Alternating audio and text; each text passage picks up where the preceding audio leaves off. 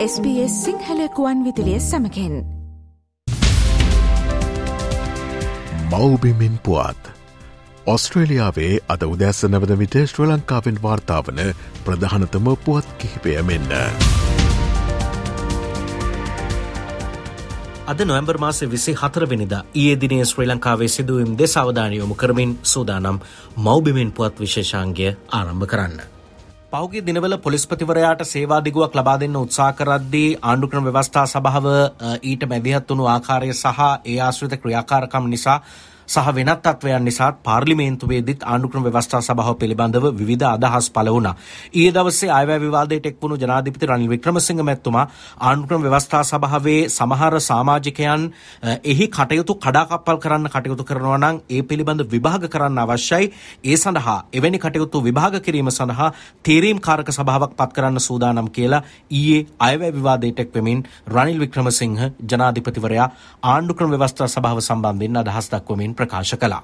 දැන් වෙලා තියෙන්නේ පොලිස්පතිවරයෙකුත් නැහැ ඒ වගේම විනිශ්චකාරවරුත් නැහැ. ඉතින් මම දන්නේ කොහොමද යුක්තිය පසවන්නේ කියලා. පොලිසියටත් වැඩ කරන්න බෑ උසාවියටත් වැඩ කරන්න බෑ. මෙහෙම විශේෂයෙන්ම ව්‍යවස්ථාදායක සභාවේ සමහර සමාජිකයෝ මේ වැඩ කටයුතු කඩාකප්පල් කරන්න කියලා ඇතුලෙන් ගෙනියනවා නම් අපිට මේ මේ ක්‍රමයේ ක්‍රියාත්මක කරන්න බැරි වෙනවා. දැන් ඊළඟ සැරෙත් මේක ඒකයි මම අපි එන සතිය වෙනකොට බාර දෙනවා මේ කොමිසම ගැන විභාග කරන්න කියලා වෙනම තේරුම්කාරක සභාවක් අපි පත් කරන්නට යනවා. නැත්තම් මේ රටකින් අද අද පොලිසියටත් පත් කරන්න බෑ උසාවියටත් පත් කරන්න බෑ. අය බලාගෙන ඉන්න මොකක්ද උනේ මේ විනිශ්චයකාරතුමා පත් කරන්න කියද්දි ඒ අයට මට දැන් ලිපිය ලිව්ව කතානායකතුමා තීරණයක් ගන්න බැහැලු. එක පැත්තකින් තුනක් බෙදිලා අනිත් පැත්තෙන් තුනක් බෙදිලා දෙන්නේ ඡන්දෙ දීමෙන් වැළකීලා එක්කෙනෙක්ව පත් කළත් නෑ. ඉතින් අපි කොහොමද ආණ්ඩුව ගෙනියන්නේ? පසුගේදා සජිත් ප්‍රේමදාස විපක්ෂනායකවරයා පාර්ලිමේන්තුවේ අදහස් දක්වමින් ඉන්න වෙලාවක ආණ්ඩු පක්ෂයේ මන්ත්‍රීවරුන් විපක්ෂනායකවරයා ළඟට ඇවිල්ලා ඔහුගේ කතාවට බාධා කරමින් හැසිරුණු ආකාරය පිළිබඳව බොහෝ දෙනෙක් ඉතාමත් අසතුටුදායකව කතා කරනවා අපි දැක්කා. එහි ප්‍රතිඵලයක් විදිහට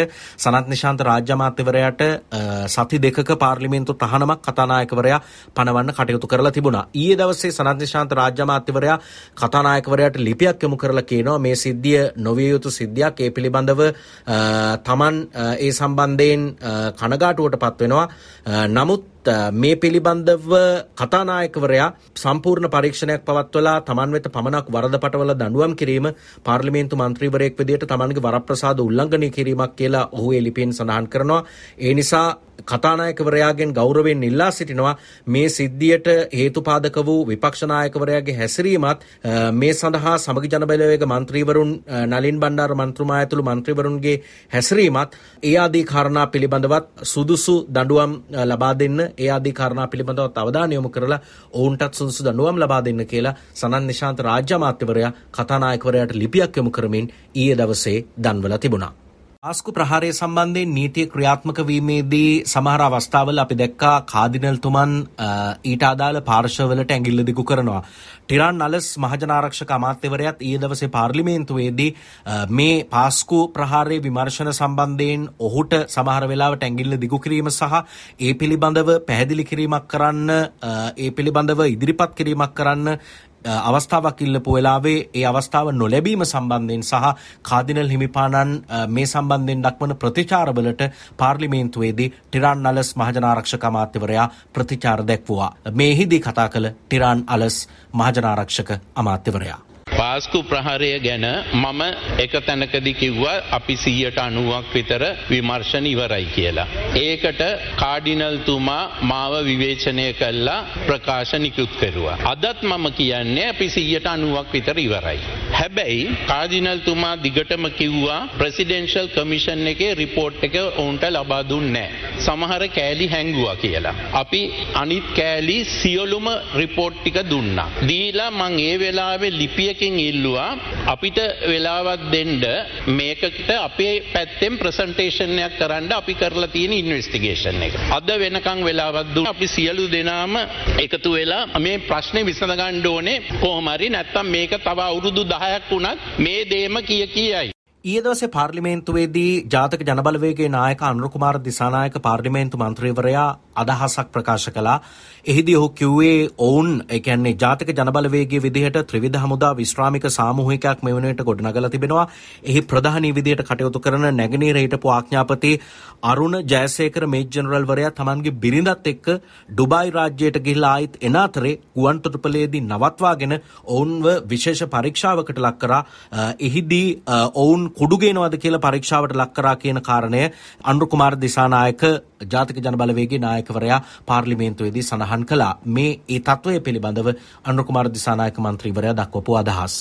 අපි දේශපාලන ව්‍යාපාරයක් හැටියට ත්‍රිවිධ හමුදාවේ විශ්‍රාමික සාමිකක් අපි ගොඩනගලා තිබෙනවා. අපේ ත්‍රිවිධ හමුදා සාමික ප්‍රධානිය තමයි නැගෙනහිර හිටපු ආඥාපති මේජර් ජනරල් අරුණ ජයසේකර. එතුමයි එතුමගේ බිරිඳයි පහුගියදා ඩුබායි ගිහිල්ලා ගුවන්තොටුපළෙන් එනකොට දැන් මේ හමුදා නිලධාරීන්ට සොල්දාදුවන්ට ගරු කළ යුතුයි කියලා කතා කරන ආණ්ඩුවක්. මොකද කරේ?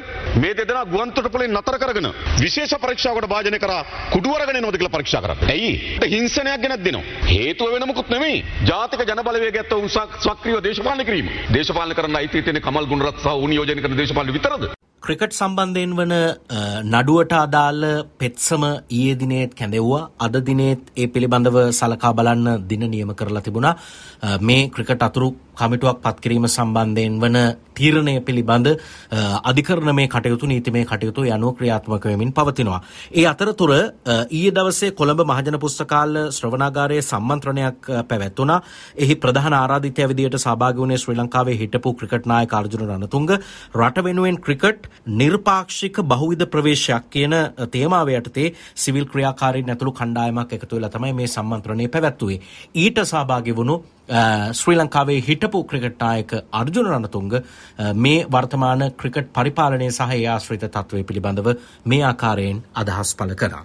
වෙලා තියෙන ජාත්‍යන්තර ග්‍රවුන්ඩ් එකකට ඇතුළට ගිය මිනිස්සයා දන්නවා මොන පීඩනයක්ද කියලා. මම බලලා තියෙනවා මේ ක්‍රිකට් බෝඩ් එකේ සල්ලි වලින් ටුවර් ගිහිල්ලා සැප විඳලා බලලා තියෙනවා. නමුත් අර ග්‍රවුන්ඩ් එක තනකොළ වල සුවඳ දන්නේ නැහැ. අන්න එහෙම ටිකක් තමයි ඉන්නේ. මෙහෙමයි ලැජ්ජාව කියලා දෙයක්වත් තියෙන්න එපා. දැනට අපි මේ විදිහට අපි කරගෙන යමු. අපි මහ ජනතාව දැනුවත් කරමු. අවශ්‍ය වෙලාවකට මිනිස්සු ගේන්න ඕන නම් මමත් එළියට බහලා කියනවා අපි ඔක්කොම කොළඹට එන්න ක්‍රීඩා අමාත්‍යාංශයෙන් අපිත් යම් මෙට්ලන්ඩ් ක්‍රසන්ට් එකට ඒ තත්ත්වයට අපි යන්න ඕනේ නැහැ. නමුත් අපි කිව්වොත් ගෝල් ෆේස් දෙකක් පුරවන්න පුළුවන් ක්‍රිකට් ගැන කතා කරොත්. ඒක මොකද දෙනෙක් දන්නේ නැහැ. ඒක එතනට අපි යන්න ඕනේ අපි අපේ හරි වෙලාවට හරි තීරණ ටික ගමු. යළිත් එළමෙන සඳුදා දිනේ හමුවීමේ බලාපොරොත්තු ඇතිව අදට සමුගන්නවා මම ශ්‍රී ලංකාවේ සිට මනෝජ් උදටියාවල. මව්බිමෙන් පුවත්. ශ්‍ර ලංකාවෙන් වාර්තාාවන ප්‍රධානතම පුවත් කිහිපය SBS සිංහල සේවෙන්.